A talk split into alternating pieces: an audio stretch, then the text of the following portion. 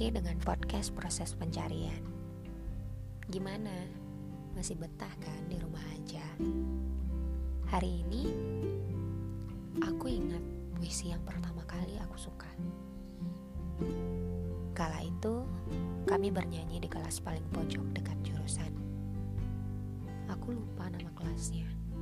Tapi yang jelas kala itu adalah momen yang sangat berkesan tepatnya pada mata kuliah pengantar pengkajian kesusastraan dengan seorang guru yang sampai saat ini menjadi panutan Bapak Profesor Hasanuddin WSM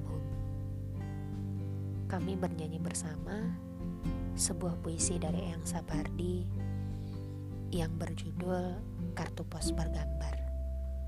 Kabut yang likat dan kabut yang pupul lekat dan gerimis pada tiang-tiang jembatan. Matahari menggeliat dan kembali gugur. Tak lagi di langit berpusing di lautan Oke sorry ya kalau telinga teman-teman barusan kayak ada serangga yang masuk. Sampai saat ini aku tak tahu cara baca puisi ini. Yang aku tahu hanya cara menyanyikannya seperti tadi.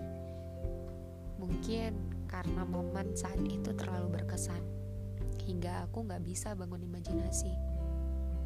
Hmm, Mengingat momen itu Aku ingat seorang teman, One, si gadis unik bin ajaib ketika kuliah.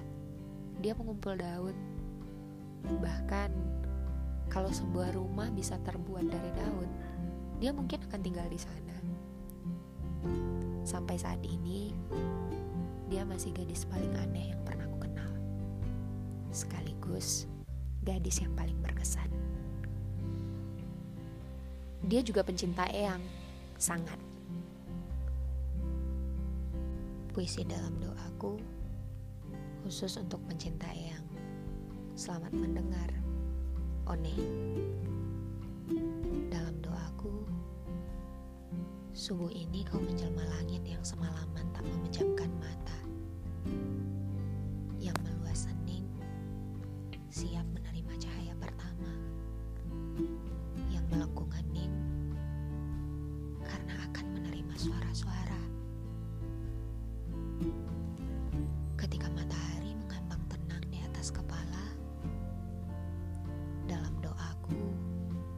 Kau menjelma pucuk-pucuk cemara yang hijau senantiasa.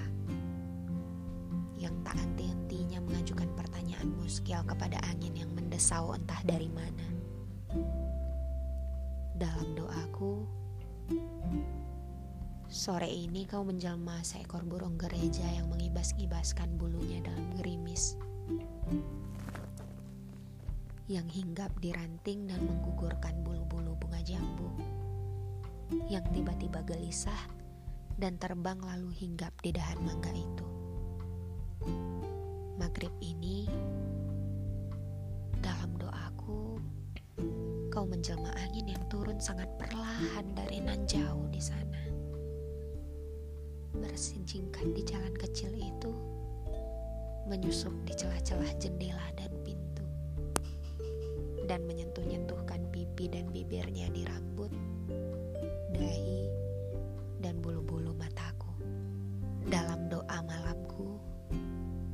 kau menjelma denyut jantungku,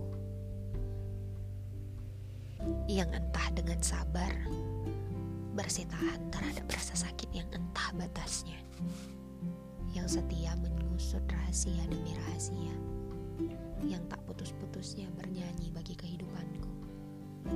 Aku mencintaimu, itu sebabnya aku tak akan pernah selesai mendoakan keselamatanmu.